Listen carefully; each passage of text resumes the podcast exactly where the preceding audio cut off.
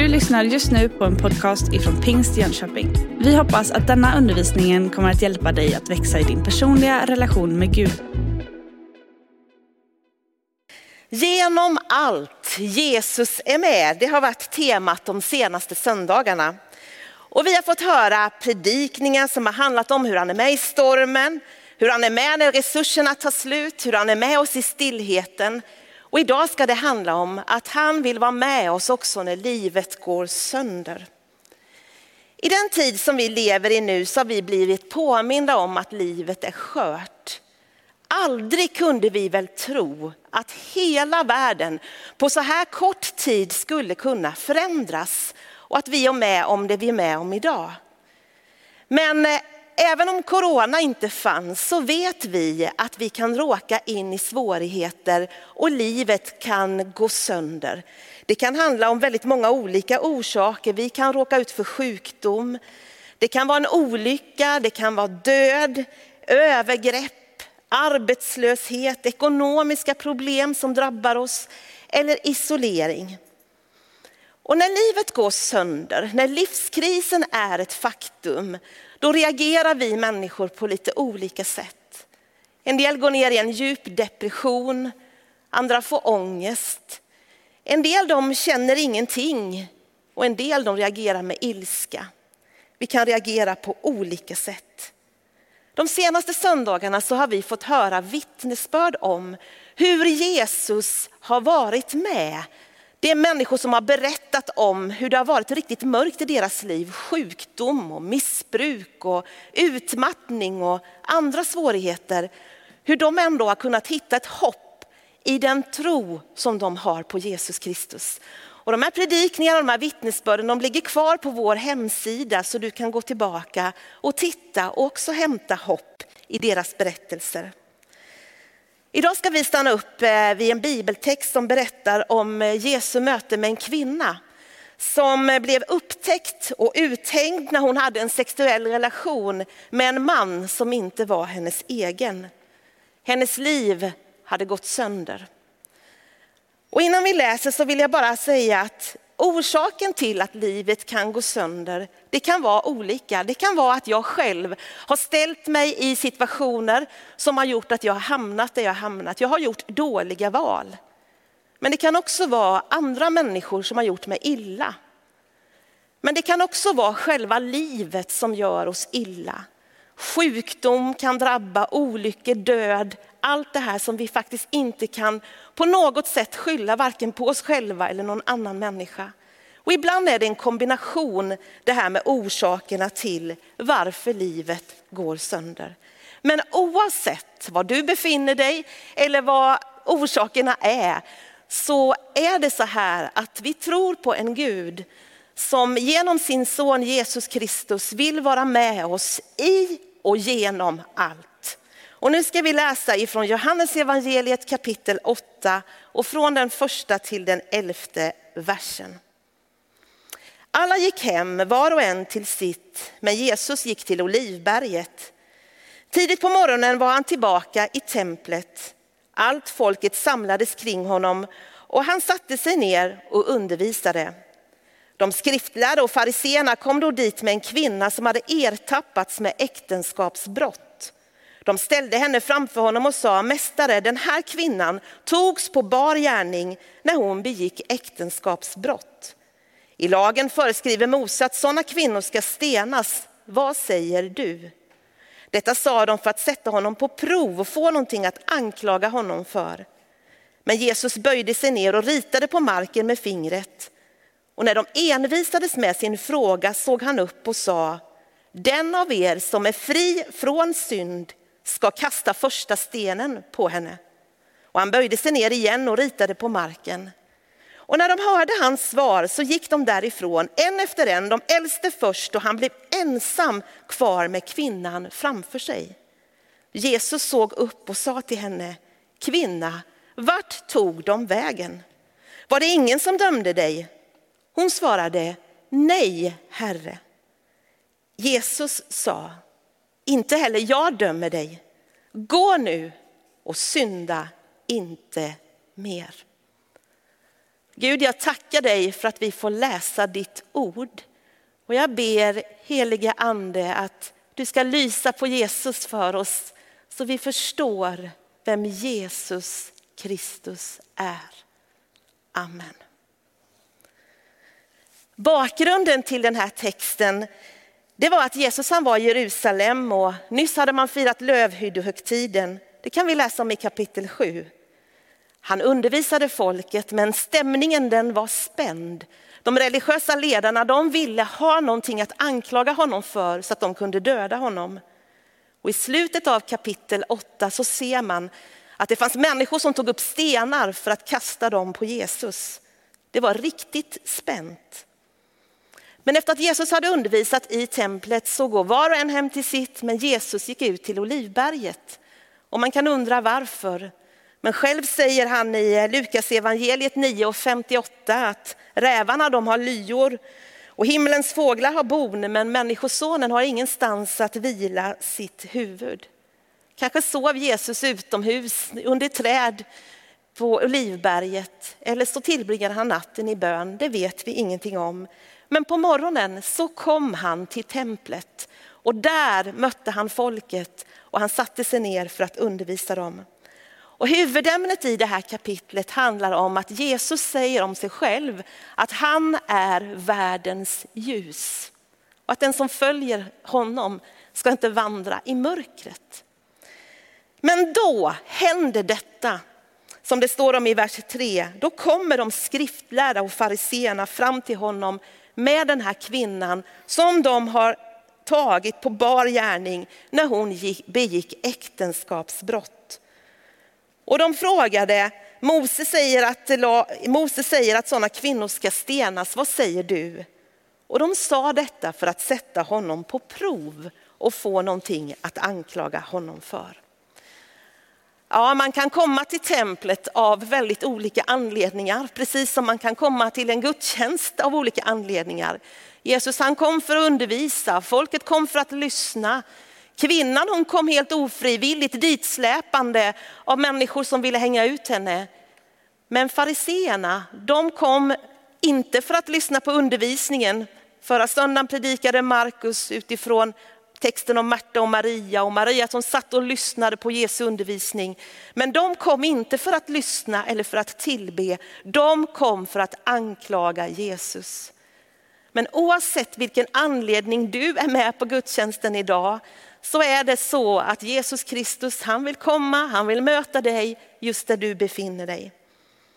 Men det här med tagen på bar gärning, hur skamfyllt måste inte det ha varit? Hur naken och totalt uthängd måste inte den här kvinnan ha känt sig? Och livrädd för att bli stenad till döds.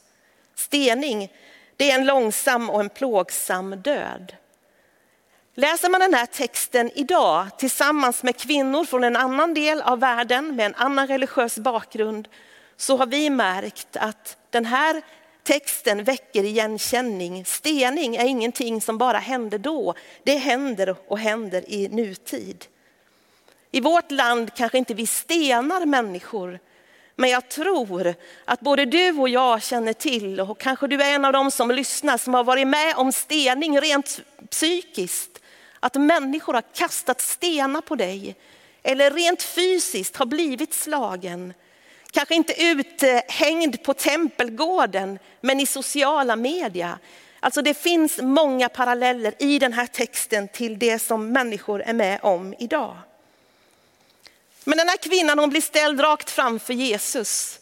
Och det finns ingen som är bättre att bli ställd framför, oavsett hur livet ser ut, än framför Jesus. För han möter henne med nåd och upprättelse. Det finns inga tvivel om att hon hade begått den här handlingen. Hon gjorde inget för att försvara sig och det fanns ju flera vittnen. Men vad gör Jesus? Och han böjer sig ner och ritar eller skriver på marken. Och det där det har skapat många frågor. Vad skrev han? Vad ritade han? Men hade det verkligen varit viktigt, då hade vi fått veta mer om det. Men en sak vet vi att om någonting skrivs eller ritas på sanden så är det lätt för vind och Eh, vatten att, att liksom utplåna det. De fariseerna och de skriftlärde, om de hade velat höra Jesu inställning till äktenskapsbrott, då hade de kunnat komma och fråga honom. Men nu var det så här att de kom för att de ville sätta dit honom. De ville tvinga Jesus att välja mellan att lyda Mose lag och därmed skulle kvinnan dödas, eller att inte lysa, lyda Mose lag och därmed skulle hon gå fri ostraffad. De är tydliga med att hon togs på bar gärning därför att det var svårt att döma någon för det här brottet. Man var tvungen att ta personen på bar gärning. Flera vittnen skulle vara samstämmiga. Och ja, så här var det. Men om de tog henne på bar gärning så måste också mannen varit där. Och varför de inte tog honom, att också han blev dragen framför Jesus, det vet vi inte. Men det är uppenbart att de ville ha någonting att sätta dit Jesus för. Om Jesus skulle säga att det skulle ske enligt Mose lag, då skulle han gå emot romarna. Därför att judarna hade inte rätt till att utdöma dödsstraff. Och om Jesus inte lydde Mose lag, då skulle han få judarna emot sig. Därför att eh, han inte följde lagen och inte kunde vara lärare. Så det här var en fälla. Antingen skulle han få judarna emot sig eller skulle han få romarna emot sig. Men Jesus, han är fylld av nåd och sanning och han är fylld av vishet. Och det finns en tredje väg och den vägen går Jesus. Vad gör han? Jo, han, han ställer fram en väg som leder till eh, avslöjande för de som hade ont i sinnet men också till upprättelse och frihet för kvinnan. Han säger, den av er som är fri från synd kasta första stenen. Och när de hörde det svaret så gick de därifrån en efter en. Vem är utan synd? Bibeln säger att här är vi samma båt allihopa. Vi är alla syndare. Den enda som är utan synd är Jesus Kristus själv. Och han kunde ha haft rätt att straffa henne. Men vad gör han? Jo, han ger henne nåd. De kände sig avslöjade och gick därifrån. De äldsta först, de som ledde anklagelsen, de gick först. De brydde sig inte om kvinnan, de lämnade henne där framför Jesus. Men tack vare att de hade tagit med sig den här kvinnan till Jesus och det här skedde så har vi en fantastisk berättelse om hur Jesus möter oss när livet har gått sönder. Även om vi själva skulle vara orsaken till att livet har gått sönder. Även om vi själva har ställt till det, gjort dåliga val som har gjort att vi har hamnat där vi har gjort. Kvinna, var tog de vägen, säger Jesus. Var det ingen som dömde dig? Och hon svarar, nej Herre. Och det är det enda orden vi hör henne säga, nej Herre. Och Jesus säger, inte heller jag dömer dig, gå nu och synda inte mer. Här visar Jesus tydligt att han är fylld av nåd. Han säger inte heller jag dömer dig. Men han är också fylld av sanning för han säger gå och synda inte mer. Jesus ser inte mellan fingrarna med synden. Han är tydlig, äktenskapsbrott, otrohet är en synd. Du skadar andra människor, du skadar dig själv. Men eh, Jesus är sanningen och inför honom behöver vi aldrig vara rädda att säga som det är. Därför att han är både fylld av nåd och sanning. Och vi kan ju ändå inte dölja någonting inför honom. Han ser ju rakt igenom oss. Men han älskar oss ändå. Där vi är, precis så som livet ser ut. I Johannes evangeliet, det tredje kapitlet och sjuttonde versen så står det så här.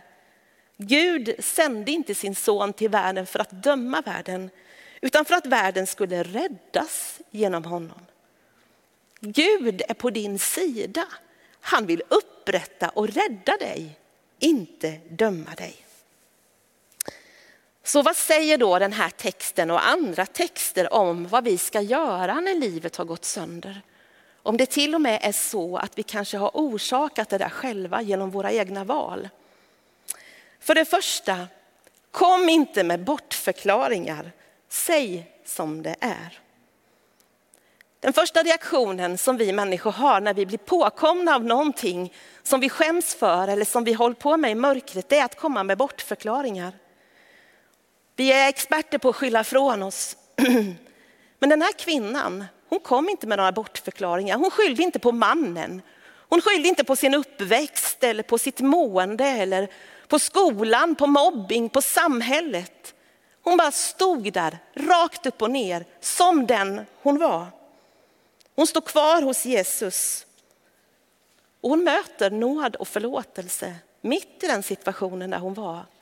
Fariséerna och de skriftlärde de drog sig bort. Jag är, upp, jag är säker på att de också kunde fått upprättelse och förlåtelse för eh, sin fördömelse och sitt högmod. Men eh, de drar sig undan från Jesus, men hon står kvar. Så eh, kom inte med bortförklaringar, säg som det är. För det andra, ta ansvar för din del, det som du har, har gjort och som är ditt ansvar. När Jesus dog på korset så hängde två rövare vid varsin sida om honom. Den ene hånade Jesus men den andra sa, vi hänger här för att vi själva har gjort oss förtjänta av det här straffet. Men han hänger här oskyldigt. Och den här rövaren han tog ansvar för sin del och han fick förlåtelse. Och Jesus sa, redan idag ska du vara med mig i paradiset. Det vi har gjort fel, det behöver vi ta ansvar för och säga som det är. Synd, skuld, bekännelse och förlåtelse, det är begrepp som vi brukar använda oss av i kyrkan. Och det finns en sån enorm befrielse i detta med bekännelse och förlåtelse. Ja, synd. Det är någonting som vi har sagt eller gjort. Jag vet vad jag har gjort, mot vem jag har gjort det och när det skedde. Det är någonting som vi har gjort som har skadat relationen med Gud, andra människor och oss själva. Och det där, det behöver vi ta ansvar för. Och när jag bär på skuld i mitt liv, då uppmanas jag i Bibeln att bekänna det och säga som det är. Och det finns en underbar befrielse i att inte gömma undan saker utan att bekänna. Och då står det så här i första Johannesbrev 1 och 9. Om vi bekänner våra synder så är han trofast och rättfärdig så han förlåter oss synderna och renar oss från all orättfärdighet. Du vet, från den ena stunden till den andra kan allt förändras i ditt liv. När du inför en människa som du har förtroende för, en pastor, en präst, en medmänniska, faktiskt också kan få sätta ord på, det här har jag gjort, så här ser det ut i mitt liv. Och jag vill be om förlåtelse, bekänna det både inför Gud och andra människor. Och så få höra de här orden uttalas över ditt liv. Det är en sån befrielse. Det finns äkta skuld och den ska bekännas. Det finns också falsk skuld och skam. Den botas inte med bekännelse. Utan det där som vill ligga över våra liv och trycka ner oss, att vi är värdelösa, att vi är misslyckade som människor. Det där botas inte med bekännelse, utan det där behöver du samtala med någon om. Och det är bara kärlek, Guds kärlek som faktiskt kan rädda oss ifrån, skuld, ifrån skammen och den falska skulden. För det fjärde, vandra i ljuset. Vi uppmanas i Bibeln att vandra i ljuset. Jesus är världens ljus. Och istället för att leva i mörkret och vara rädd att någon ska komma på dig, att du ska bli upptäckt eller tagen på bar gärning, kom fram i ljuset av dig själv och säg som det är. Oavsett om det är svåra saker, mörka, riktigt olagliga saker du håller på med, eller om det är mindre saker, så kom fram med det i ljuset. Gud han är för dig, han är inte emot dig.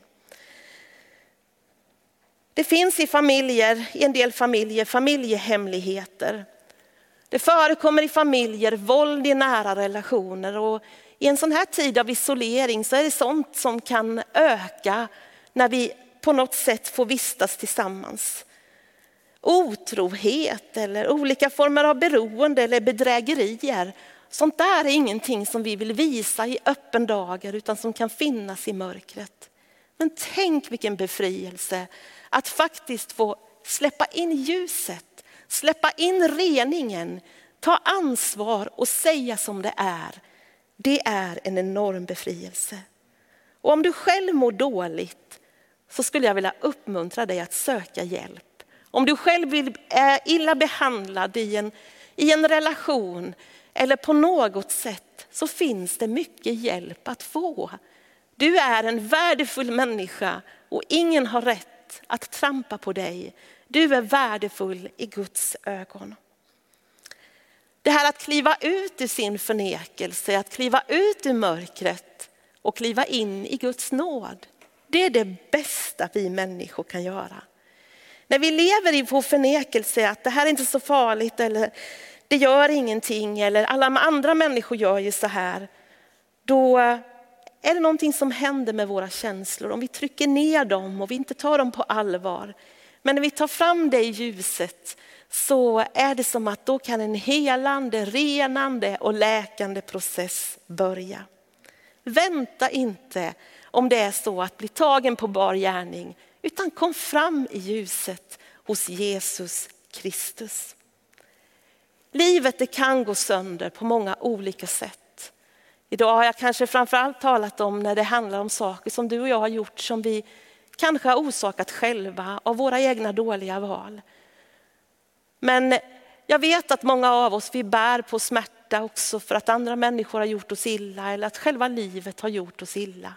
Men oavsett vilken orsak det är till att livet har gått sönder så går han inte förbi dig. Han är med dig och han står trofast vid din sida. Och han vill att du ska fatta hans hand och gå med honom igenom den mörka dalen. För det finns hopp och det finns ett ljus. Och när du kommer så vill han säga till dig, inte heller jag dömer dig. Gå, synda inte mer. Eller han säger till dig, jag går med dig i den mörka dalen och det finns ett hopp, det finns ett ljus.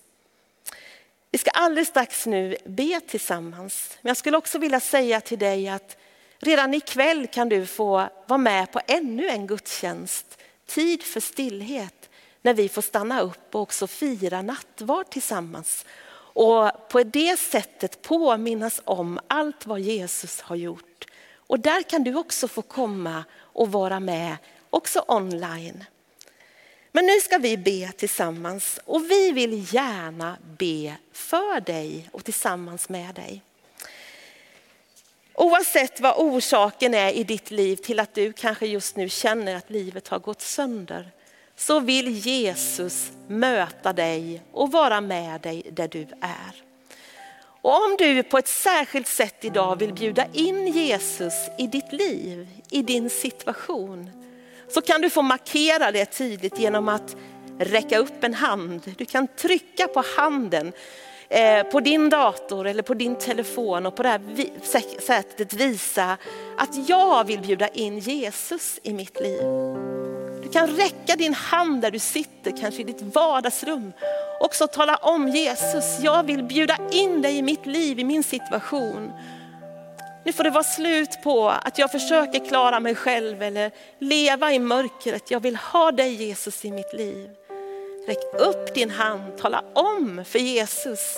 Men också för de onlinevärdar som vi har idag som är förebedjare och vill be för dig. Så är det ett tecken att här finns människor som behöver hjälp idag. Och vi ber gärna också personligt för dig. Vi kan ju inte göra det som vi brukar göra på gudstjänsterna, men också via datorn så finns det ett, ett personligt litet chattrum där du kan få gå in. Och där finns en förebedjare som du kan skriva lite mer personligt till. Ingen annan kommer att se vad du skriver. Och den förebedjaren kan be personligt för dig. Det är väldigt skönt att få sätta ord på sin bön, på sin längtan. Men nu ber vi tillsammans. Och jag vill be för dig där du är. Och du som tycker att just nu att livet leker och att allt är bra. Var med och be för den som just nu kämpar. Och så tror vi att vår bön i tro på Jesus Kristus, den gör stor skillnad. Låt oss be. Jesus, jag tackar dig för att du är nära var och en som den här stunden sträcker sig mot dig. Du ser varje upplyft hand, du ser varje tecken på att jag vill bjuda in Jesus i mitt liv. Och jag tackar dig för att du är inte långt borta, du går inte förbi utan du stannar upp. Och tack att den här stunden så förlåter du synder.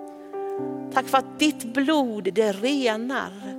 Och jag tackar för att ljus går upp i mörkret och hopp tänds i förtvivlan. Jag tackar dig för att du är nära varje människa som just nu ber.